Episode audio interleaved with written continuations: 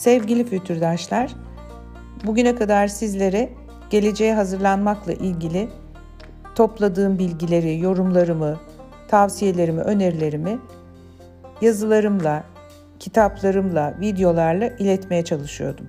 Buna podcast'i de ekliyorum ve ilk podcast'im e, yabancı dil öğrenmekle ilgili.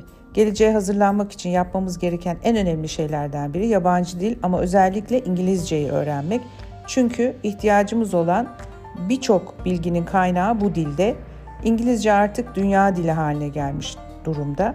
Onun için hazır geleceğe hazırlanmaya odaklandığımız şu dönemde lütfen buna önem verelim.